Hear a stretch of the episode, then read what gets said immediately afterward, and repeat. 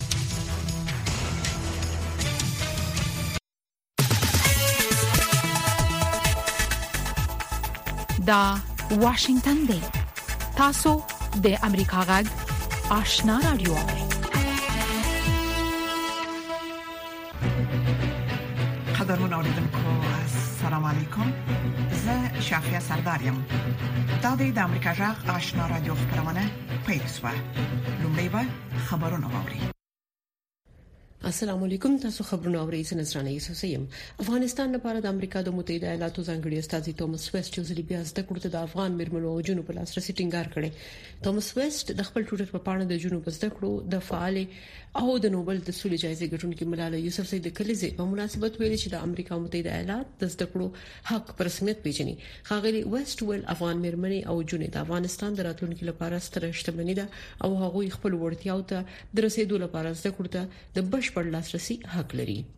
په ان حال کې ملاله یوسفزۍ 13 ورځ په نایجیریا کې د ملګرو ملتونو په ودانۍ کې د ملاله د ورځې د لمانځلو لپاره په جوړې شوې غونډه کې په وینا کې ویل چې لس کال وړاندې میلیونونه افغان جونې ښوونځي ته تللې له هر دریو ځوان جنو یوې په پوهنتونونو کې نوم ثبت کړو خو اوس افغانستان په نړۍ کې وازینه ملک دی چې پکې جنې او خزې د زده کړو منع شوې دي د کډوالو په چارو کې د ملګرو ملتونو عالی کمشنر یو ان ایچ آر په نړۍ کې د افغان کډوالو د وضعیت او داخلي بي ځای شو په اړه ارقام خبره کړي د ملګرو ملتونو د کډوالو د چارو د عالی کمشنر احصایي خای چې شاوخوا 9.2 میلیون افغانان په زور د خپل هواد او سیمونه بي ځای شوي چې لدې جملې نه څه باندې 15.6 میلیونه یې هغه افغانان دي چې د کډوالو ورته شان وضعیت لري په هم دې حال کې د کډوالو په چارو کې د ملګرو ملتونو عالی کمشنري ویلي چې 3.15 میلیونه افغانان د نن په افغانستان کې بځای شوې دي که څه هم د ملګرو ملتونو د ادارې د افغانانو د بځای کېدو لاملونه نه دي بیان کړي خو جګړه بیروزګاری د ښه ژوند ترلاسه کولو هڅه او د طالبانو د انتقام نه تېښته هغه څه دي چې افغانان یې د خپل هېواد پرېښودو ته مجبور کړي. د شمېرو له مخې د دوه زره او یوویشت کال د اګست په میاشت کې په افغانستان کې د طالبانو د بیا واکمنېدو وروسته ډېر شمېر افغانان ایران او پاکستان ته تښتېدلي دي. د طالبانو د حکومت د پوهنې وزارت وايي چې دغه وزارت د تشکیلاتو نه د غیر ضروري، غیر موثرو او موازي تشکیلاتي جوړښتونو د حذفولو په لړ کې په ټولو ولایتونو کې د ښوونکو د روزنې د ولایتي تشکیلاتي جوړښتونو د تړلو پریکړه کړې ده. د طالبانو د حکومت د پوهنې وزارت د خپل ټویټر په پاڼه په افغانستان کې د ښوونکو د روزنې د مرکزونو د بندیدو د پریکړې دفاع کړې او ویلي، چې د ښوونکو د روزنې معینیت پخوا د پخواني رژیم د کار په مهال د دغه وزارت د تشکیل څخه حذف شوی و. په افغانستان کې د امریکا پخوانی سفیر ال انټونی وین وايي په شمالي اتلانتیک تړون یا ناتو کې د یوکرين د شاملولو موضوع به په روسي کې د پوتین د ملاتړ د زیاتېدو لامل شي انټونی وین وايي چې په ناتو کې د یوکرين د غړیتوب په موضوع کې بیړه وشي پوتین به خلکو ته وایي چې لویدیزي نړۍ امریکا او ناتو غوښتل یوکرين خپل لور ته کش کړي او روسیا محاصره کړي ښاغلی وین وایي دا به نوموړي ته پلمه برابر کړي چې په یوکرين خپل برید توجیه کړي هغه برید چې د دې امریکایي ډیپلوماټ په خبره تر ډیره د پوتین د ملت پالنې د روحیې سره سرچینه اخلي د امریکا د بهرنیو چارو وزیر انټونی بلینکن او د چین د بهرنی پالیسي جګپوړي چارواکي وانګ د پنځشنبه په ورځ یعنی پرون د سویل ختیځي اسیا ټولنې آسیان د غونډې په سنټر کې چې د انډونیزیا په پلازمینه جکارتا کې جوړه شوې ده سره ولیدل د بلینکن او وانګي د غلیدنه په داسې حال کې کیږي چې د مایکروسافټ شرکت دوه ورځې وړاندې ویل چې چینایي هکرانو د امریکا د بهرنیو چارو وزارت په ګډون د دغه هواد یو شمېر دولتي برېښنا برېښنا لیکون ته لاسرسي موندلې ده د امریکا د بهرنیو چارو وزارت یو بیان پاړو ویل چې موږ غیر عادي فعالیتونه موندلي او د خپلو سیستمونو د خوندیتوب لپاره موسسي سمدستي اقدامات ترلاسه کړي دي بلې خو یو امریکایي چارواکي ویل چې بلینکن د چین د بهرنۍ پالیسۍ لوړپوړی ډیپلوماټ دی په جکارتا کې د لیدو په مهال ویلي چې امریکا به د چینایي هکرانو حساب واخلي په واشنگټن کې یو شمېر یوغوریانو او فعالینو د چین د شینجیان په مرکز اور مورچي کې د یوغوریانو د مظاهره د خونړۍ ځپنې د څوارلسمې کلیزې په مناسبت د مسلمانانو په وړاندې د بیجینګ د سیاستونو په خلاف لاریون وکړ او بیجینګ یې په نسل وژنې تورن کړ او پنځشنبه د امریکا په متحده ایالاتونو کې د میجر کرکټ لیګ په نوم د کرکټ یو لوی تجارتي لیګ پیل شو چې د افغانستان راشد خان په ګډون د استرالیا، انګلند، ویسټ انډیز او ځینو نورو هیوادونو یو شمېر مشهور لوبغاړي پکې لوبېږي. په دغه لیګ کې ټولې شپږ لوبډلې دي او نولس لوبې به کوي، وروستۍ لوبه به یې د جولای په دېرشمه نېټه وي. د دغه لیګ په ویب سایټ کې د لوبډلو نومونه لاس انجلس نایټ رایډرز، ممبۍ انډین، نیویارک سان فرانسیسکو یونیکورن، سیاټل ارکاس، ټکزاس سوپر کینګز او واشنګټن فریډم ښودل شوي دي. اکثریت لوبې د امریکا د ټکساس ایالت په ډلاس کې کېږي او یو شمېر نورې لوبې د شمالي کیرولینا په ایالت کې هم پلان شوې دي قدرمنو اوریدونکو دا و خبرونه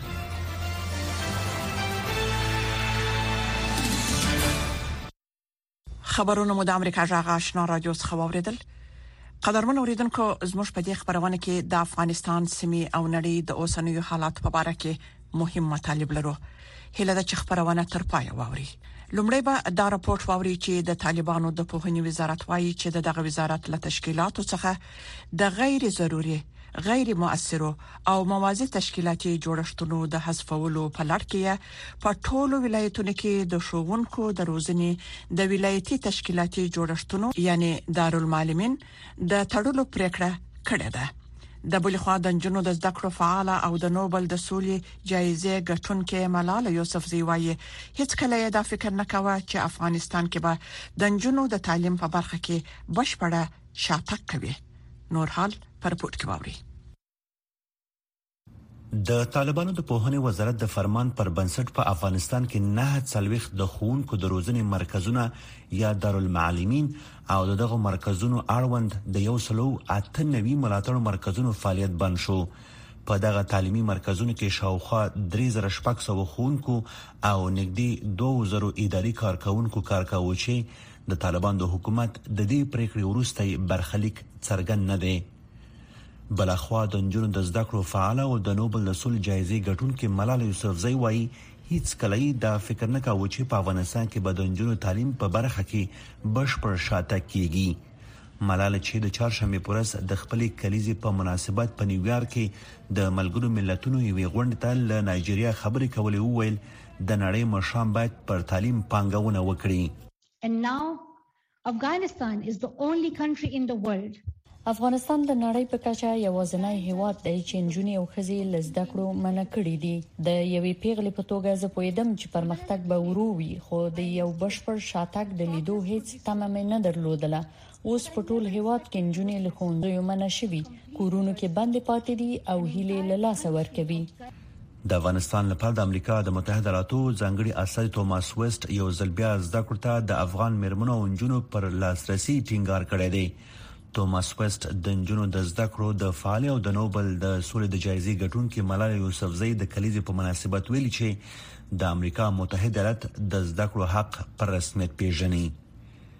په داسې حال کې چې له شپږم ټولګي پورته د نجونو پر زده کړو بندیز لګول شوی دی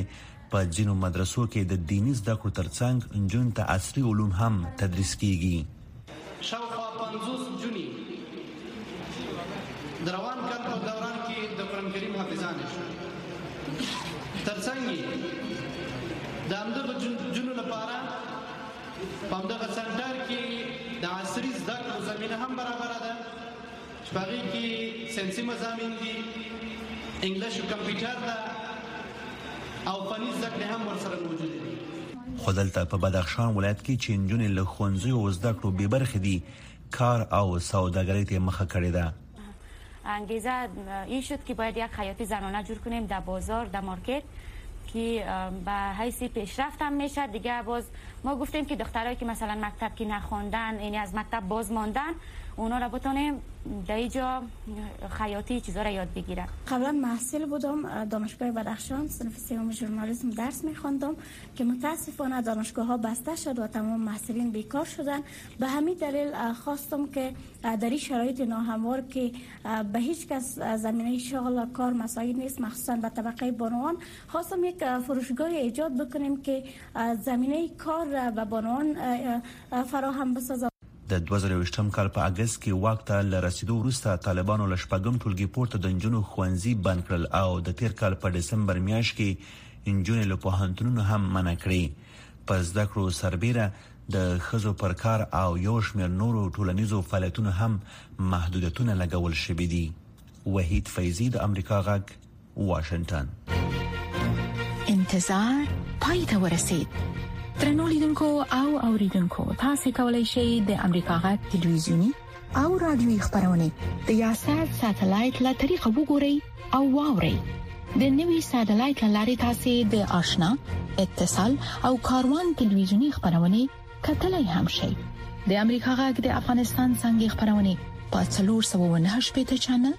او د آشنا رادیوي خبرونه په 398 چنل کې اوریدلای شئ لملتيامو د تل پشان مننه د طالبانو حکومت د سالنګ د لوی لارې د 80 کیلومتر لارې بیا رغونې کار پیل کړ. افغان سوداګر وايي چې دا لارې به د روسیې، منځنۍ اسیا او جنوبي اسیا ترمنځ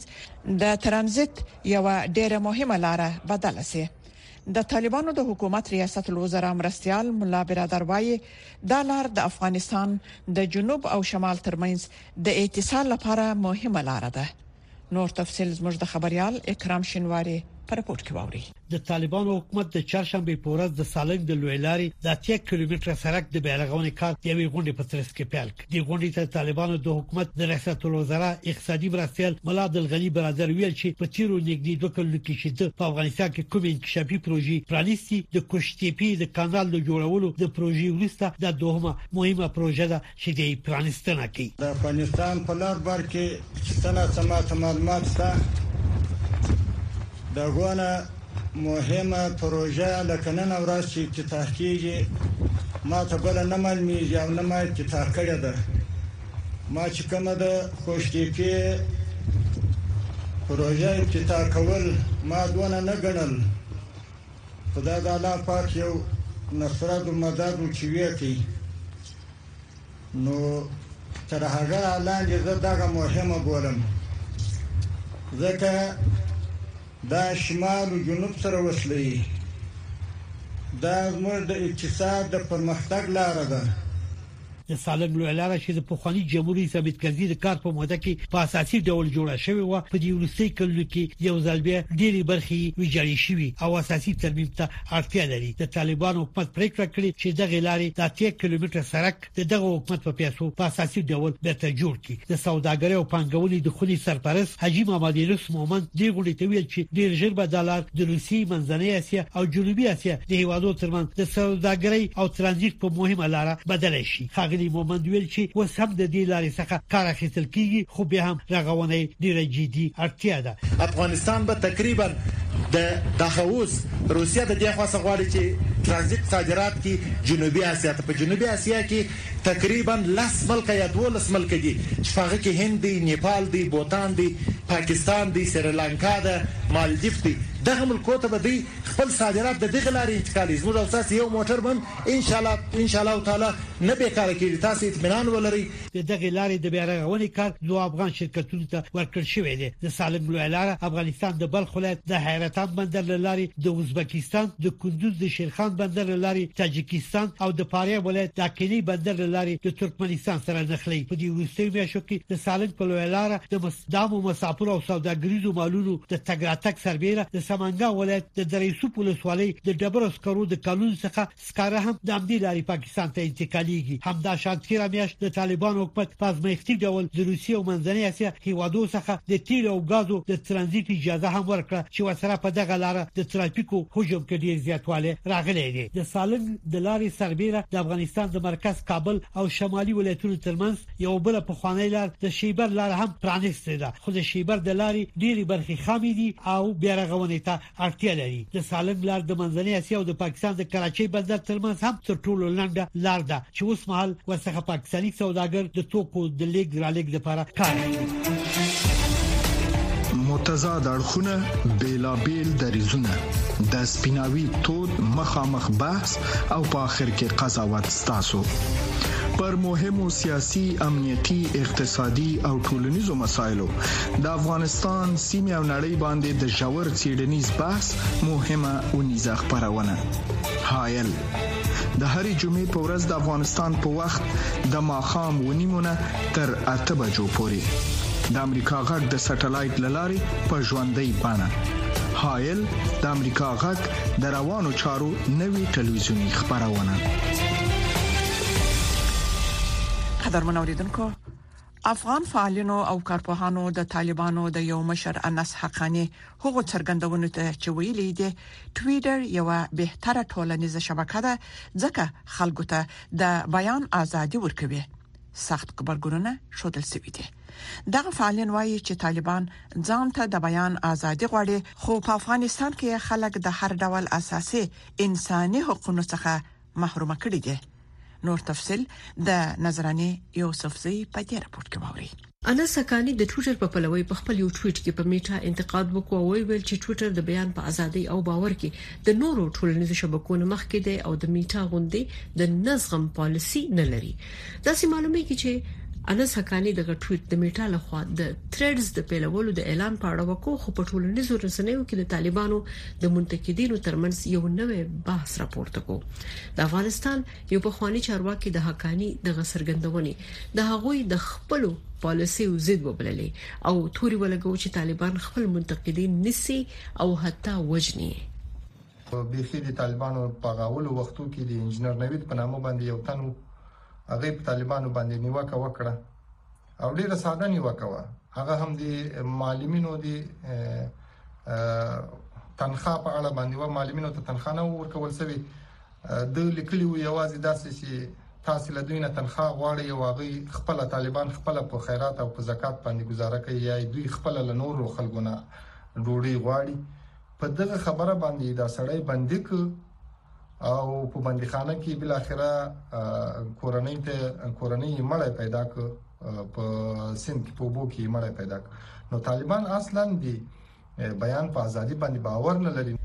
د میرمنو د حقوقو فعالان په ځانګړي توګه د حقاني د غسرګندونې د حیرانتیا وړ بولی ځکه د دوی په وینا میرمنې حتی د اساسي بشري حقوقو نه محروم دي طالب نن د بیان د ازادۍ خبره په داسې حال کې کوي کله چې دوی واکمن شول بیا واکمن شول په افغانستان کې ټول زندانونه تش شول ټول مجرمین خوشی شول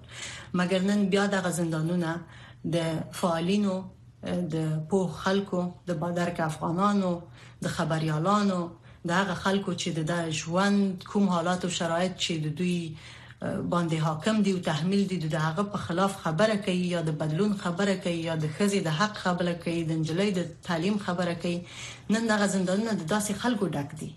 طالبانو د ډیر وخت راهیسې ټوئیټر د تبلیغاتو لپاره کارولې دي ځکه فیسبوک د طالبانو ډیر حسابونه تړلي په ټوئیټر افغان فعالانو پر لپسې د ټوئیټر نغښتي چې د طالبانو حسابونه وتړي ټوئیټر باندې دوی څرنګه اجازه لري چې دومره فعالیت وکړي څرنګه چې فیسبوک د سیاو ډیر غټ او مهم قدم واخست چې د دوی اکاونټونه بلاک زه فکر کوم ټوئیټر باندې باید هم دغه پالیسی جاری سي یو د سډاله چې د ورځې یو سوشل میډیا د لپاره استعمالي چې خلک ته منټل سټرس ورکی افغانان چې کوم ډایاسپوراز دي هغه ترت کیږي د دوی پلویانو په ذریعہ دا هر څه باید بنسي یوې خوا کې دغه افغانان د حقانی په ټویټ نه خوخي څرګندوي خو بلې خوا د ټویټر مالک ایلان ماسک د حقانی د ټویټ نه وسو سات وروسته یو ټویټ وکړ چې دلته تاسو ته د ازادي لري چې رښتینی اوسئ د میریلند په پوهنتون کې پروفیسور کوډي بنټن چې د طالبانو د ټوئیټر د استعمال په اړه یې څېړنې کړې دي وایي چې دا ټویټ د اعلان مسک د هغې ادعا تکرار دی چې وایي په ټوئیټر کې هر څوک د بیان ازادي لري او وایي چې طالبانو په تاریخي ډول د ټوئیټر نه استفاده کړې ده Twitter has historically been a friendly place to the Taliban. ټویټر په تاریخي ډول د طالبانو لپاره یو دوستانه ځای دی چې هغوی ته اجازه ورکوي چې په ملک کې دننه او په نړیواله توګه د خلکو توجه راجلب کړي. دا دوی د قدرت د نیولو د مخه هم کول.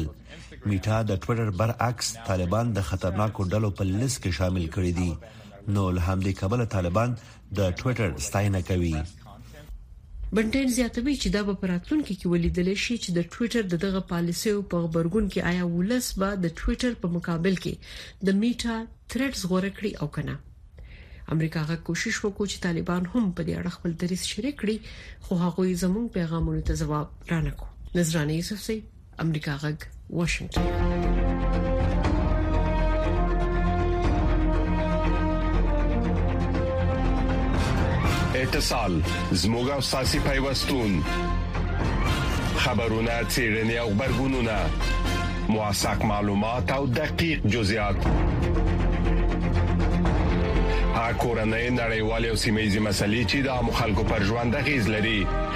ستاسو پوښتنې د چارواکو ځوابونه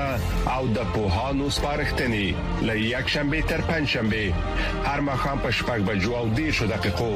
له واشنگټن څخه پر ژوندې بڼه د سټلایټ ټلویزیون او ټولنیزو شبکو لاري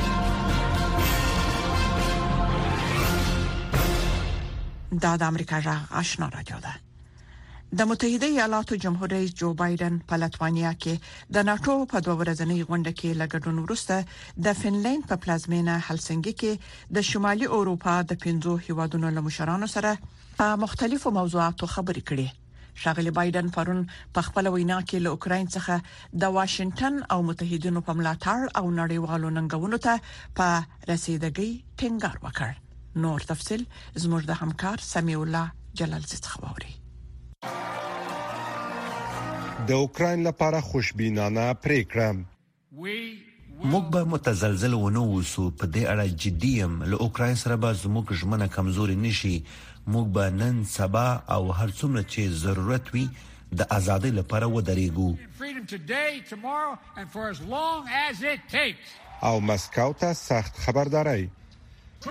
پوتین تر اوسه هم غلط باور لري چې په اوکراین کې به ډیر وخت پاتې شي. نوموړی باور نشي کولای چې دا د هغوی خاوره، د هغوی هیواد او د هغوی راتلونکې ده او حتی د دې ټول وخت په تیریدو سره پوتین تر اوسه هم زموږ پر قدرت شک لري. هغه تر اوسه خراب لوبه کوي. د متحد ایالتونو ولسمشر په لتوانیا کې د ناتو د غونډې څخه د خدای پامانۍ پر مهال چې هغه تاریخي بللې په خپل دوو پیغامونو کې له اوکرين څخه د یاد تړون د ملاتړ ژمنې تازه کړې خو د هغه څه په اړه چې اوکرين لټه کوي مشخصې ژمنې ونه شوې او نه هم مهالوېش وټاکل شو. د اوکراین ولسمشر ولادیمیر زیلنسکي هم د ناټو د غونډې په پای کې وینا وکړه. فکر کوم د غونډې په پای کې موږ له خپلو مشرانو څخه ستر یووالی او امنیتي تضمینونه درلودل. زلنسکي چې د غرب د ملاتړ لپاره تیر کال په ټوله نړۍ ګرځیدلی د کلسر یا خوشي بمونو د ترلاسه کېدو لپاره د واشنگټن د پریکړې دفاع وکړه پر دې وسلو د نړۍ په څه باندې یو سل شلو هیوادونو کې د وژلو د لوړ قابلیت د درلودلو لامل بندیز لګیدلی دی روسیه په دوامدار شکل زموږ په خاوره کې کلستر بمونه کاروي، زموږ په خاوره کې جګړه کوي، زموږ خلک وژني او د ډېرو کلونو راهیسې کلستر بمونه کاروي.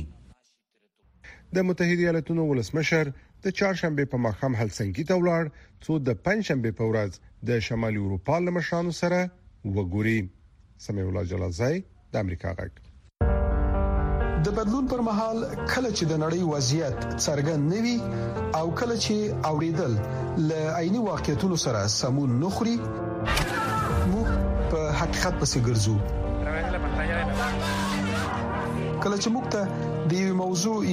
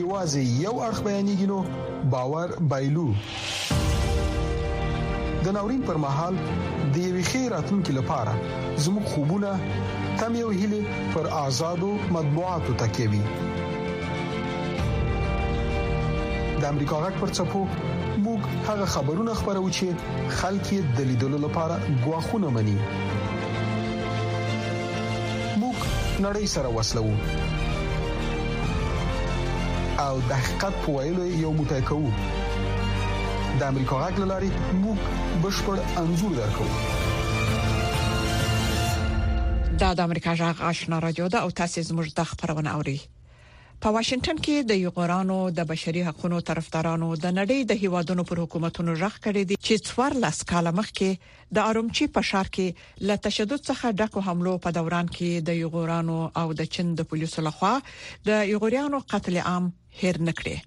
او د بیجینګ په مقابل کې باید ودرېږي د خبريال ګراهام کانویت درالېګل رپورت خلاصه از مش همکار سید سلیمان شاه تاسو ته دراوړي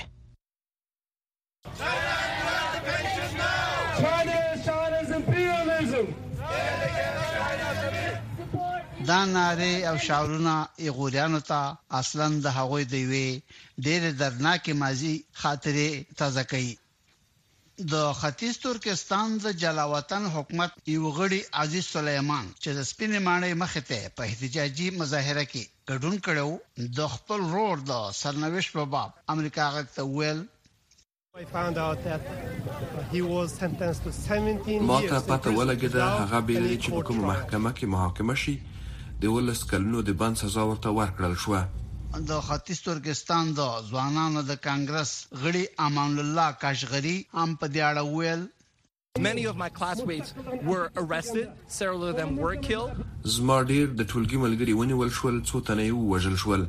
جلاوطن یغوریان د چین حکومت قصداً په بند کې د دوی د اقاربو او خپلوانو په ساتلو او هم یې په خپله خاوره کې چې تر اوسه یې د ختیځ ترکستان په نوم یادی د بشري حقوقو پر ډول ډول سرغړونو تورنوي.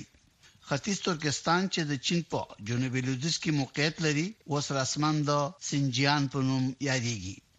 د سپینې ماڼۍ مخې ته راټول شوي غوریان وايي چې دوی له چین نه د خپلې خاورې ازادي غواړي، هغه څه چې څوارلس کاله پخوا د ختیځ ترکستان په مرکز اورمچي کې پېښ شو، دوی به یې هېڅکله هېر نه کړي. او یاد به لمانځي. Mass killed them, mass shoot them and their bloods stained all the Urumqi cities and all night they watched the. هغوی په ډله ییزه توګه ووژل شول، ډله ډله وویشتل شول او په وینو یې د ورمچي ټول ښار سور شو. چینایان لګیا وو، د خپل جرم د پټولو په خاطر یې ټوله شپه د اوبو په فشار وینه ووینځله او پاکه یې کړه. په دوه زره نهم عیسوي کال یعنې دیارلس سوه اته اتیا لمریز کې تشدد په لومړي سر کې د چین په جنوب کې له یوې فابریکې نه پیل شو. د هانس د قبیلې وګړو په شپږو ایغوري کارګرانو باندې د خپلې قبیلې د دوو ښځو کارګرانو د بې ابرو کولو تور لګولی و. د دواړو لورو ترمنځ په نښتو کې دوه تنه ایغوریان ووژل شو. يغوريان په اورمچي کې سړکونو ته راووتل او د وژل شوو کارګرانو لپاره يې د انصاف او عدالت غوښتنه کوله.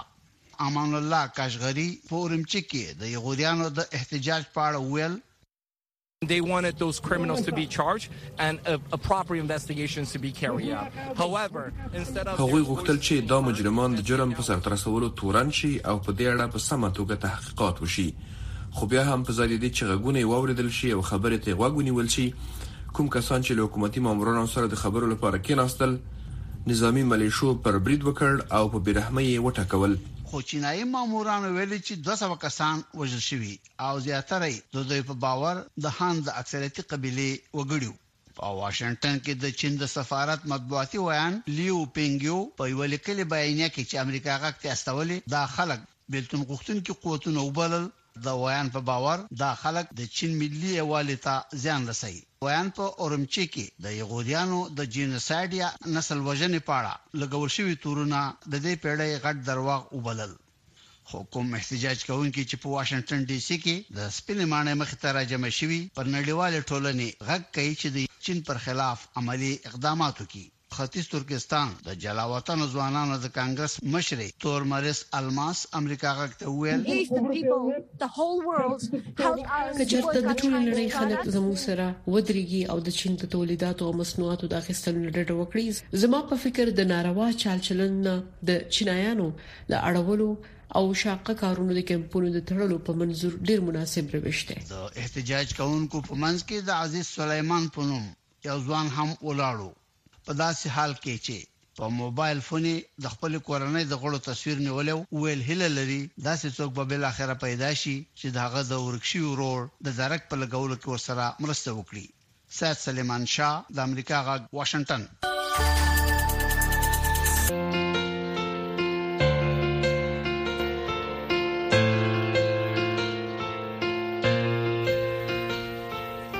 درنوریدونکو زموږ د خبرونه په همدې ځای پای ته ورسیده د امریکا جغ آشنا را دوه خبرونه دوام لري